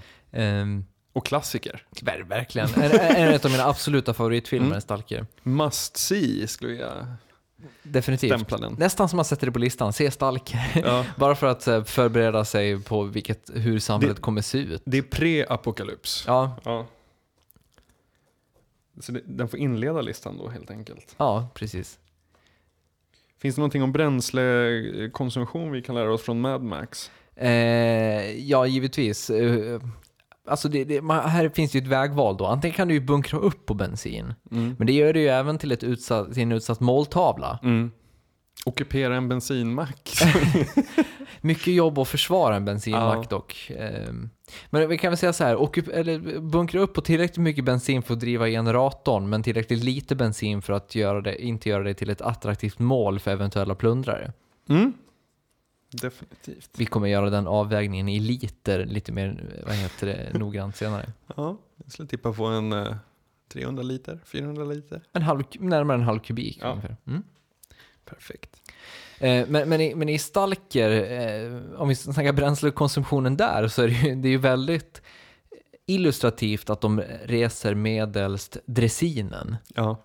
Eh, Och bilda, ja, det utgör även en väldigt central och vacker scen i filmen. Mm. Eh, där eh, vägvisaren då och eh, hans kumpaner ja, är på väg mot zonen på, på den här dressinen. En fantastisk filmscen. Mm. Eh, Och just djuret av dressinen är ju magiskt. Den har använts i en låt någon gång vill jag minnas. Ja, det kan det. We Are Volt. Ett litet band jag och Tobias och kompis som heter Christian hade.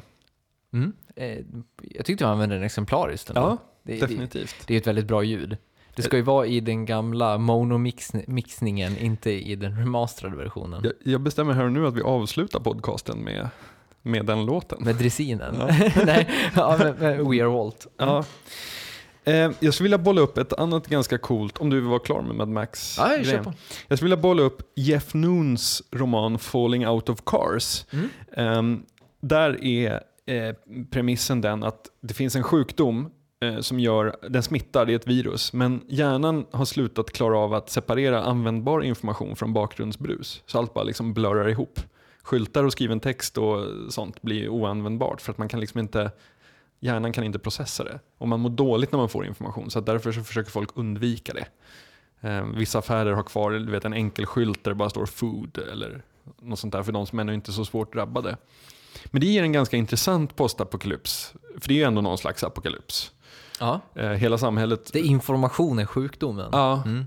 hela samhället rasar ju liksom. Ehm, det finns ett botemedel men det lindrar bara. Liksom. Det är inte så här, ja.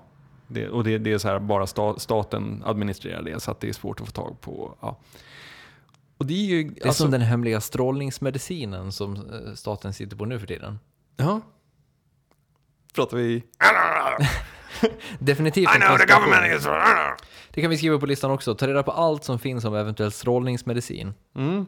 Vikt, mycket viktig punkt. Mm. Skriver ner det här. Men eh, det jag ville ko- komma till med Falling Out of Cars, det är ju det att folk är ju inte liksom, de är inte drabbade av ett trauma på samma sätt som postapokalypsen normalt är, där man är liksom en ensam överlevande som teamar upp med några främlingar för att bege sig ut i det stora vilda. Ehm, utan folk har ju ändå kvar sin, alltså, sitt, sitt reason och sitt eh, förnuft och eh, sin kunskap på något vis. Bara Mm. det att man inte längre kan ta in information. Ehm, vilket gör det till en väldigt sådär läskig miljö på något vis. Ehm, och det är en jävligt cool, eh, ja, cool infallsvinkel till eh, samhälle som raserar kan jag känna. Definitivt. Eh, men om vi snabbt går tillbaka till, till Stalker. Det, det är ju ett samhälle, i just filmen så är det ju inte helt eh, tydligt hur det har gått under. Mm. Men eh, man kan väl på något sätt utläsa att det handlar om ett kärnvapenkrig eller någon form av det. Någon form av liksom radioaktivt utsläpp eller ja, nå- någonting sånt. Eh, Strålning är inblandat. Mm. Ehm, vi har ju båda ett, ett gemensamt litet favoritspel som heter Fallout. Åh. Åh. Jag skaffade ju typ min Xbox bara för att spela Fallout 3. Ja, men Fallout 3 framförallt och framåt är det ju som är helt Mm. fantastiskt. Definitivt. Alltså, eh, om, jättesnabbt för de som inte har spelat Fallout 3 så är det så här att man, det är efter kärnvapenkriget. Kärnvapenkriget infaller på 50-talet så att all estetik är kvar i 50-talet. Radiostationerna spelar gammal så här swingjazz och alla posters och affischer och skyltar och sånt är liksom 50-tal through and through. Bara det att du bär omkring på en sån mini nuke launcher. Man kan väl säga att den där helgen när Kubakrisen inträffade så gick det inte så bra. som, som, som, det är i och för sig 60-tal, men, Ja. men det gick inte så bra där, där i de trakterna av, av tiden som, som, som det egentligen gjorde. I Fallout 3 så vaknar man ju upp i, en, i ett vault som är så här stora... Man eller- föds väl i ett wall? ja, man föds i, Mm. ett, i, ett, i en sån eh, bunker, Mm. Fallout-bunker. Ehm, och ska sen bege sig ut för att utforska världen. Då. Fallout 3 New Vegas har jag precis spelat igenom, eh, som är då en fortsättning. Första utspelar sig i Washington, den andra är i Las Vegas. Men det är ju verkligen ett så här, jag dör liksom när jag spelar det. Därför att varje plats man upptäcker och varje är ju ett litet universum. Ja, Mm. det är ett litet universum. För ofta är det så att man hittar då, alltså när man är ute och går och så kanske man stöter på någon här gammal bunker eller något gammal fabrik eller kontor eller någonting. Och då kan man logga in och läsa folks e-mail och läsa loggar från eh, datorerna där. Och just det här, man får, när man går in, det där är faktiskt en nyckel till varför jag kanske gillar liksom den postapokalyptiska estetiken. Eh, när man går i ett, en byggnad och läser allt som står på de olika datorerna, då får man liksom små, små fragment. Och när du har kollat 10-15 datorer, då har du en full bild av vad som hände här inne. Eh, varför alla dog och varför det var, ja. Eh, och den grejen tror inte jag man ska underskatta just vad gäller estetiken, alltså den här urban exploration-prylen. Eh, man ser spår av något som har varit där tidigare, men som inte är där nu. Och liksom, ja, man bara vet att här har, hän, people fell in love here. Eller, förstår du vad jag menar? Men det, då, måste, då måste du gilla hela den grejen i Mass Effect också. Alltså Ja. det, det här, eh, eh, vad ska vi säga, de här um, conduits, tror jag det kallas. Alltså de här färdmedlen som finns kvar ute i universum. Mm. Eh, som är liksom portar till olika platser i olika galaxer. Som har byggts av någon, men man vet inte riktigt vem. Nej. För det är, de är byggda av en civilisation som gick under för länge sedan. Mm. Det är ju, det är ju det, det, det, det är på något sätt det också man vill ha med, med hela space exploration-grejen. Alltså att det finns rester kvar av civilisationer Mm. som en gång ägde rum. Verkligen. Verkligen. Mm. Och det, där kan jag känna också att det är viktigt, det vi var inne på i början av podcasten, just det här att de det handlar om ska ha en aning om vad som hände, eller åtminstone hur det såg ut förr. Mm. Alltså lite så här aning om det. För just de här resterna tycker jag är väldigt spännande. Um, man kan plantera, ja, men ta bara en så här så enkel sak som eh, eh, i, eh, vad heter den, Pitch Black. När de eh, hittar eh, loggboken. Mm. Och det visar sig att okej, vänta nu, sista eh, entryt var förra solförmörkelsen. Alltså just det här att posta information som inte sägs rakt ut eller konstateras utan som bara finns spritt. Och jag menar, om vi går tillbaka till Fallout 3 då, så är ju liksom hela spelet med dess enorma värld och karta är ju bara fyllt med sån information i princip. Ehm, men det, det är kanske en av de bästa så här, ehm, sen, eller sentida tolkningarna av postapokalypsen tycker jag. Definitivt. Vi pratade ju här om veckan också om eh, Max Richters infra. Eh, som eh, för mig i alla fall på något sätt går hand i hand med, med Fallout. Definitivt. För att den, den renodlar den här, um, ja, vad ska vi säga, öde estetiken på något sätt som, som, präglar, som präglar hela Fallout-serien. När jag smsade Manarsen här och frågade om, om råd inför apokalypsen så skrev han bottle caps, glad gubbe. Att det är en bra grej att ha. För att i, i Fallout så betalar man ju, valutan är liksom eh, kapsyler Mm. från så här Nuka-Cola. Men sen la han till efteråt att men om man hade lite mer pengar kanske man skulle köpa lite Kruger-rand. Och det är ju en så sydafrikansk investeringsvaluta som är rent guld. Liksom, som, ja, eh, och det är också en sån sak som är väldigt vanligt förekommande i konspirationsradion. Att man alltså, investerar guld och eh, att köpa de här vattenreningarna. Men valuta, Jag skulle säga att det behöver inte ens gå så långt som konspirationsradion, det räcker med att kolla på Glenn Beck. Ja. Så uppmanar han att, att eh, ja, invest in gold. ja kons- konspirationsradio. men, men, men jag för upp det på vår lista här, att, att på något sätt identifiera vilken valuta det är som kommer gälla. Ja. För att någon form av, ja, någon, någon form av monetär, Din platt-tv kommer inte vara värd ett piss. nej, så Så att- bär inte med dig den. Nej. Men däremot om ja, någonting. Jag vet inte vad det skulle kunna vara så här som finns i varje hem. Men, men fort efteråt notera vad som har blivit den monetära systemet. Ja, vi kan säga så här. Jag, jag lovar att alla eh, som lyssnar på Bedrykter de har datorer. I de här datorerna finns det guld. Eh, så att bryt ut, ta reda på vad som är guld i din dator och eh, ja, tänk på att återanvända det efter apokalypsen. Mm. Fast sen är ju, ja precis, guld, guld kan funka. Men samtidigt så är det ju så här att en, en valuta är ju bara en överenskommelse Jo, om att är det ju. någonting är värt. Så det kan ju vara någonting helt annat. Mm. Som i Fallout där, där kapsylerna från de här Nuka-Cola har blivit. Eh, så att om det inte är guld, jag, jag kan ju tänka mig att vi faller tillbaka på guld i och med att det är vår gamla standard. Precis. Ehm, men, ehm, mm, viktigt, viktigt. Guld, renat vatten. det är så här.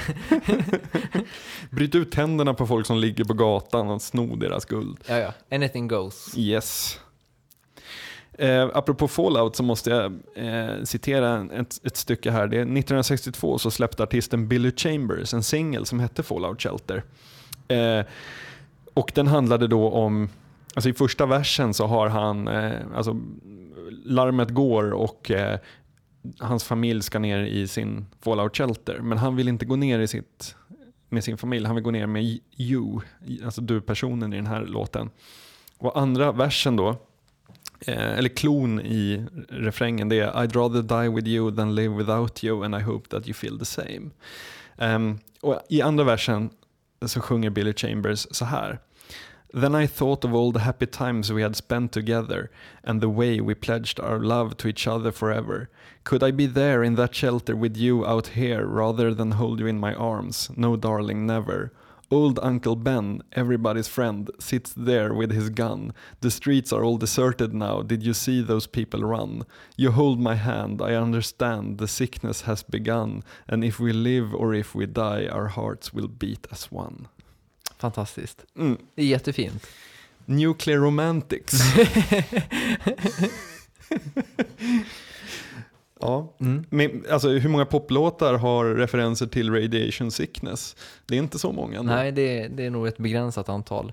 Men eh, nyligen så kom ju eh, Bös Källstigens album eh, Tanum Teleport. Mm. Eh, och det var ju definitivt eh, postapokalypsen, ap apokalypsens tänken.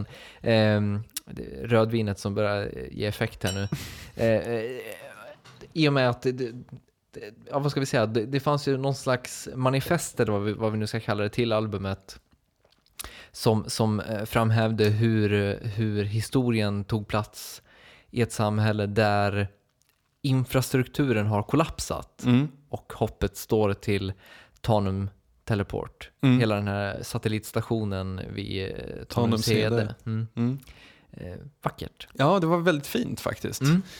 Ehm, och där, de, de sätter ju verkligen fingret på någonting där också som är, är fint. Eh, som vi försökte efterlikna lite med intro till det här avsnittet. Just det här, alltså i, e- efter postapokalypsen, den här ensamma radiostationen som sänder ut sina signaler och hoppas att någon lyssnar någonstans. Du vet, det finns något väldigt fint. Och man vill inte höra This is an automated message. För då vet man att då är det kört. Ja, definitivt. Och det är så jobbigt i alla, alla sådana berättelser när, man, när de har följt någon radiosignal eller någonting och så är det någon sån här nödloop som har stått på i 40 år och bara tuggat. Och, Ja, eller, eller när apokalypsen sker och man kollar på tvn och tvn går över till sådana här nödsändningar. Och man vet att okej, nu har till och med tv-stationerna övergivit sina redaktioner. ja men det är ju som, alltså, det, det är Conelrad som de hade som varningssystem i USA på 50-talet. Då var det så att vid en attack från bombflygplan så var man rädd att planen skulle navigera efter radiosignalerna eh, och liksom släppa bomberna där. Så då så skapar man det här Conelrad som tog över eterna helt enkelt. Eh, och de flesta radiostationer de gick off-air, men de som blev kvar de sände i cykler på AM-bandet på 640 eller 1240 kHz. Och då lagstiftades det om att alla radioapparater som tillverkades var tvungna att markera ut de frekvenserna på liksom, ja, frekvensbandet så att man med en liten röd triangel. Och bara den grejen, eh, att ratta in Conelrad och höra, ja, det, Ja, och även just alltså radion som, som, som kommunikationsmedel betonar ju hela den här reg- teknologiska regressionen. mm, Eh, kort våg. ja, precis. Kort, det är ju Brus. kort våg som gäller. Ja. Eh, därför att allt annat är ju bara fancy smancy crap liksom. Mm, definitivt. 3G dör ju först. Ja. Ju nyare tekniken är desto snabbare dör den. Garanterat. Mm. Garanterat. Och just det här, internet överlever kärnvapenkrig. Ja, jag vet inte. Inte längre va? En gång i tiden när det bara var militära anläggningar som var kopplade till det så funkar säkert det här nodsystemet. Men nu fan, det slocknar om någon gräver i gatan här utanför liksom. Men eh, alltså nu för tiden så är det väl mer att de små, vad ska vi säga, isolerade nätverken kommer leva vidare. Mm. Och vi kommer få liksom, eh, ja vad ska vi säga, multum av små anon-grupper som sitter på olika platser av världen och försöker koppla upp sig mot andra nätverk. Lär dig leva utan Google. Ja, Blir en punkt på listan. investera i ett läck, eller i en, eh, vad säger man? Fast bär omkring på ett 34 bands eller uppslagsverk liksom. Uppslagsverk, ja nej det är inte, inte praktiskt. Man får lära sig, man får Ja. läsa på. Ehm, men det blir också så här pre-apokalyps. Det är lite, ja, Men allt det här är ju att tänka på innan undergången sker, så att man Ja, är väl precis. förberedd. precis. Det är som att känna till vart bergrummen ligger. Mm. Eh, har vi någon aspekt kvar av postapokalypsen som vi bör ta upp? Eller ska vi köra lite så exempel på bra popkulturella skildringar? Jag tycker vi kör exempel Mm. på bra popkulturella skildringar. Men, men då skulle jag vilja börja med eh, en datoranimerad serie som heter Afterworld, som kom 2007. Ehm, och det ha- eh, handlar om en affärsman som vaknar upp på ett hotellrum i New York och ingen teknologi fungerar om människorna är borta. Det är väldigt, väldigt bra faktiskt. Det är små, små avsnitt på 3-4 minuter. Eh, jag tror det finns 140 avsnitt eller någonting sånt där på YouTube. Okej. Den lades ner, eh, den sändes på något smalt network och lades ner sen. Men jättebra. Det roliga där är att det, det, eh, han är väldigt eh, perplex i inledningen till varför det regnar så mycket. Och där kom jag på en bra grej att skriva ner på listan, nämligen att man måste lära sig tolka vädret. För i det fall som det har varit eh, en, en radioaktiv smäll eh, så behöver man ju känna till om det kommer någon acid rain. Mm, vi sätter det på listan. Se upp för kvastmoln helt enkelt. Är det så? kvastmoln är ju det som, eh, de molnen som syns när det kommer bli regn inom ett dygn. Var inte vi på någon festival någon gång när du bara plockade fram dina mad skills och sa shit det börjar regna inom tre timmar? Mm. Ja. det stämmer mycket väl och du frågade vem tror du att du är? John Locke eller? John Locke Lost då, inte, inte John Locke Lososa. Och det visade sig att du var. Ja, jo, det, Det kom började mycket, regna, Det ja. kom mycket väl nederbörd. Jag var Mycket- sjukt mycket imponerad. Mm. Du är fan bättre suited för, för apokalypsen än vad jag är. Det, det, Du, du vet ju eh, åt, åt vem av dina bekanta du drar. Det är ju mig och managen du vill ha med dig. ja, Där. definitivt, definitivt. Jag vet i alla fall var närmaste bergrum ligger. Precis. vi, kan jobba, vi kan jobba där utifrån. Yes. Eh, Jag skulle även vilja slå ett slag för Margaret Atwood, kanadensiska författaren, som eh, hennes Oryx and Crake är väldigt tydligt bra postapokalyptisk roman. Eh, hennes The Handmaid's Tale, den gränsar till postapokalyps skulle jag vilja säga. Alltså egentligen inte för att det, i det har USA tagits över och blivit liksom hårt dystopiskt totalitärt samhälle. Ehm, men den har ändå samma fil. Mm. Alltså, så Mar- Margaret Atwood är en bra, bra ställe att vända sig till. Och sen David Brinns The Postman, alltså romanen som Kevin Costners inte så bra film ligger till grund för. Eh, för grejen är att alltså, grundhistorien där är ju att en snubbe som heter Gordon Krantz squattar i en postbil och hittar en brevbäraruniform som han har på sig för att hålla sig varm och folk tror att han är brevbärare. Och grejen är att i filmen är upplägget jävligt cheesy men i boken så tycker jag att det blir väldigt bra så här hur, alltså snacka om det här vi satte upp på listan som andra punkt, att inte sätta naiv tilltro till moderna verktyg. Alltså just det här att postgången, den går inte, men folk börjar skicka brev med honom därför han är klädd som brevbärare. Och det är klart att postgången då funkar, eller? Mm. Ehm, men det, den är väldigt, ja, som bok, jättebra. Jag skulle vilja eh, bolla upp Pestens tid. Eh, både boken och eh, tv-serien. Tv-serien, produktionsvärdet är kanske inte det absolut högsta, men, men det är ändå sjukt sevärt bara för att ehm, sätta sig in och förstå i, i, sätta sig in och få en, bredare uppfattning om hela smitt, eh, smittskydd, eller, eller Ja. att liksom akta sig för viruset när samhället rämnar. Mm. Ehm, man kanske inte behöver läsa boken som är typ tusen sidor lång eller någonting, ett, ett riktigt mastodontverk av Stephen Ja. King. Men serien med Gar- Gary Sinise i huvudrollen är smått fantastiskt och, Mm. Ganska bortglömd ändå. Mm. Eller varför inte Call of Duty Modern Warfare 2, Mm. där man eh, Mm. i princip första hand får uppleva en, eh, hur en kärnvapenattack mot Washington känns. Helt fantastiskt Ja. den scenen. Ja. Eh, det, är liksom, det är liksom värt att spela ba, bara för att från militärt håll ha sett hur apokalypsen tar form. Mm. Viktigt.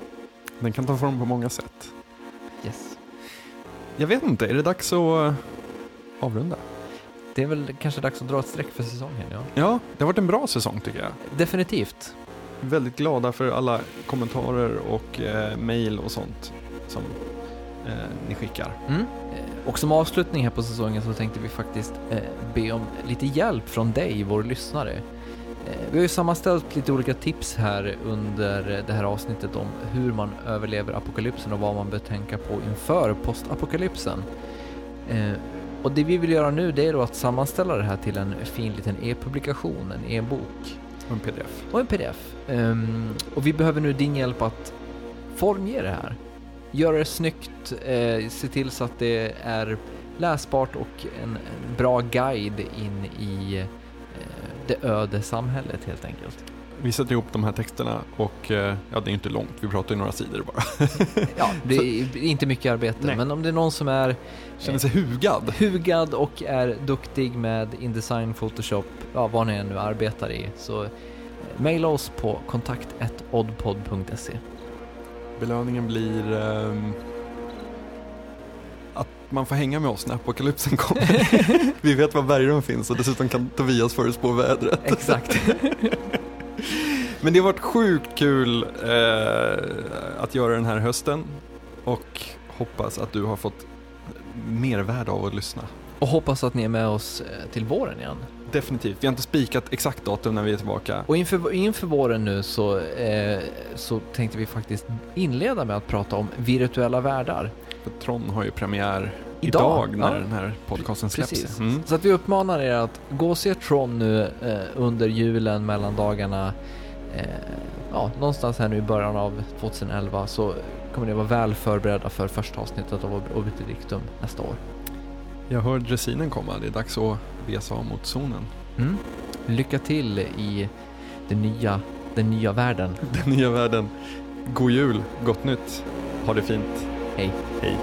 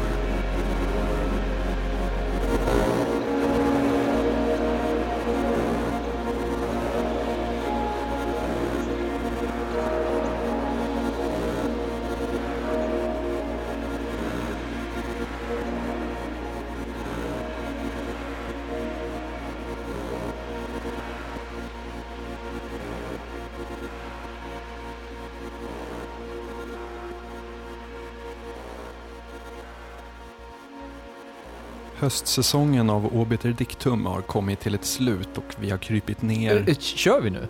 Ja. Ja, förlåt. Jag blev så här... Sorry. Jag tog- blev helt tagen på sängen. Ja, okej. Då kör vi nu då.